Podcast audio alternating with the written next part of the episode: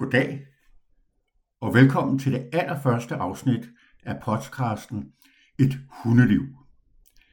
Jeg hedder Poul Lysholdt.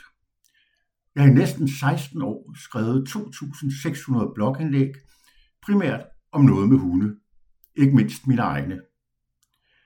Lige før nytår skrev en af mine hundevenner, hvorfor jeg ikke lavede en podcast om hunde. Noget hun kunne lytte til på vej til og fra træning, eller til eller fra prøver. Og ja, hvorfor ikke? Jeg har vendt ideen med forskellige, og helt ærligt, idéerne til, hvad en hundepodcast kunne handle om, blev hurtigt meget lang, så indholdssiden er jeg ikke bekymret for. Så er der nogle tekniske forudsætninger. Jeg startede med et ganske enkelt setup, og hvis der, håb, bliver, og hvis der er behov, så bliver det udviklet. Jeg har også sparet med forskellige om, hvor tit der skal offentliggøres podcasts. Overvejelserne var egentlig ganske enkle. Det er en ren hobbyting, som jeg hygger med, og jeg gider ikke blive presset af at skulle offentliggøre noget meget tit. Så ugentlig er nok for hyppigt. Opvendt skal der heller ikke gå så lang tid mellem indlæggene, for så glemmer interesseret måske, at podcasten findes. Så udgangspunktet er blevet hver 14. dag, med mulighed for, at der kommer noget ekstra ved særlige lejligheder. Mit allerførste indlæg, dette, det skal handle om rallylydighed.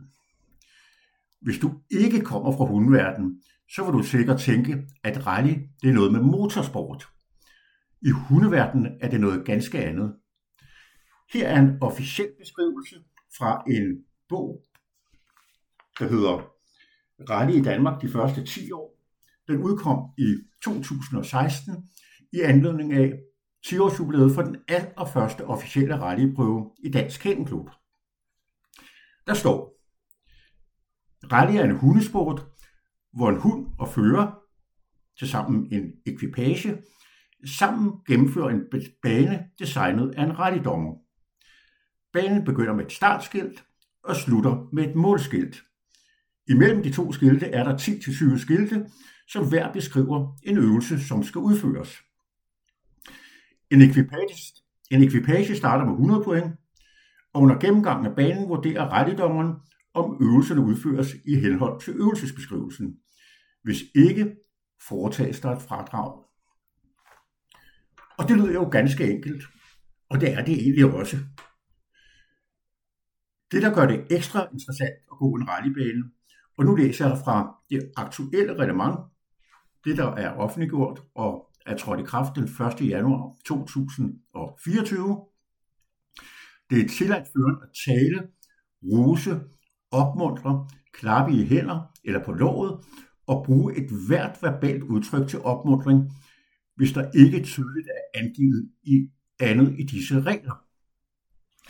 Og sådan har det været siden rallysporten blev en officiel disciplin i Dansk Kennelklub i 2006.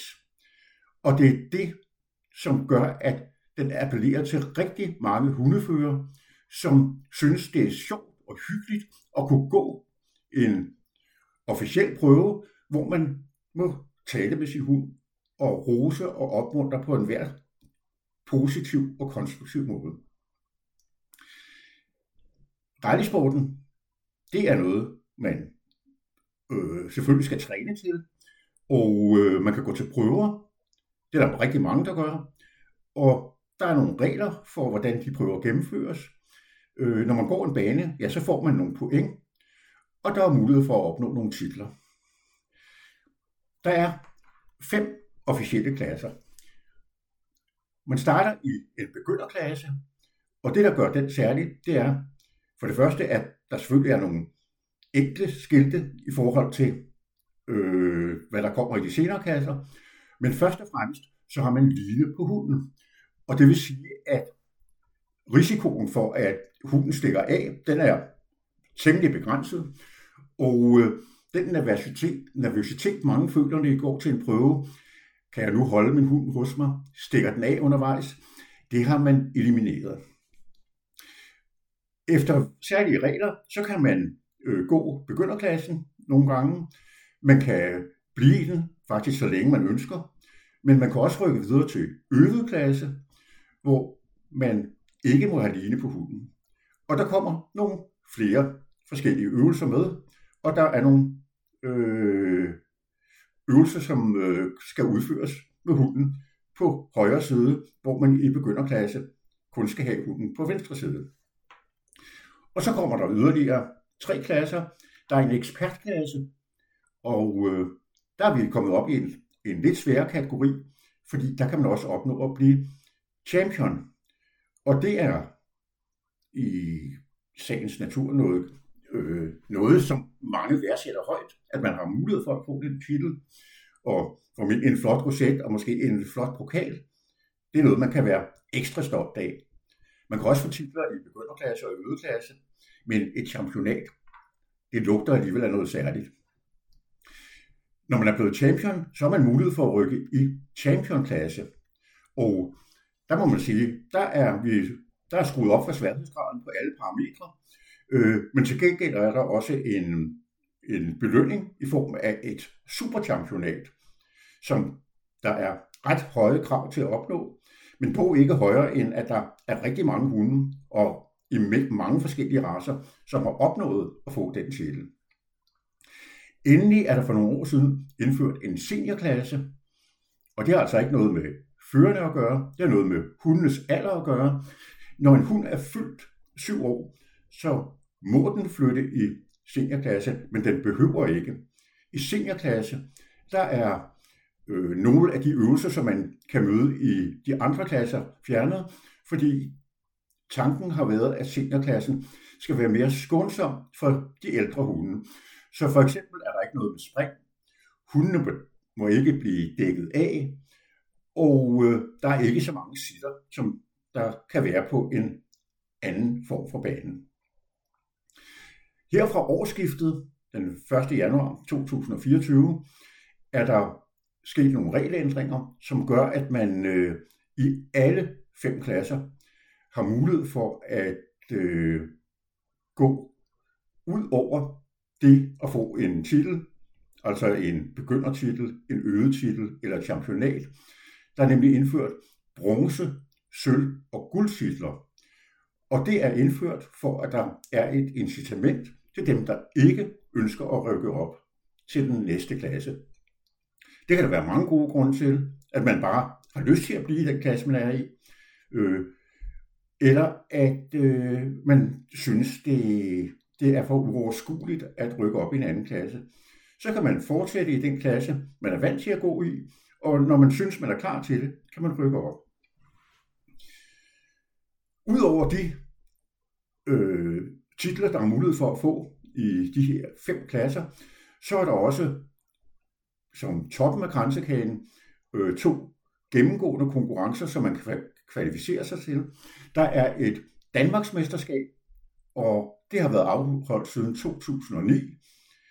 Øh, der er nogle særlige regler for, hvordan man kvalificerer sig til Danmarksmesterskabet, og så er der et årligt Danmarksmesterskab, som typisk ligger sidst i august eller 1. september, og der bliver de 20 bedst, bedste resultater i hver af de fem klasser inviteret til et Danmarksmesterskab, og man har så mulighed for at blive Danmarksmester.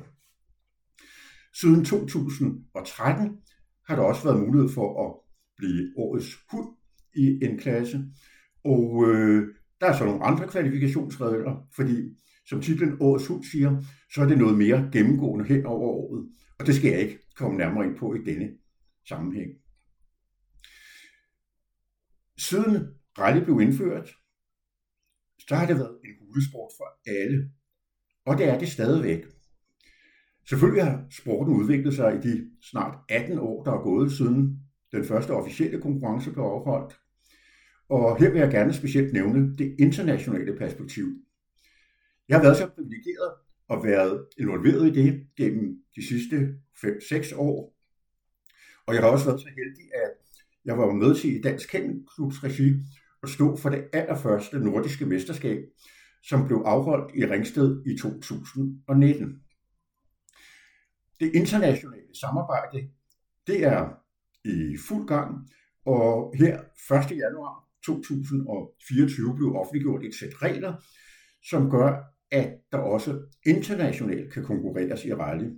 og det er annonceret, at det allerførste verdensmesterskab det afholdes i Finland i september i år.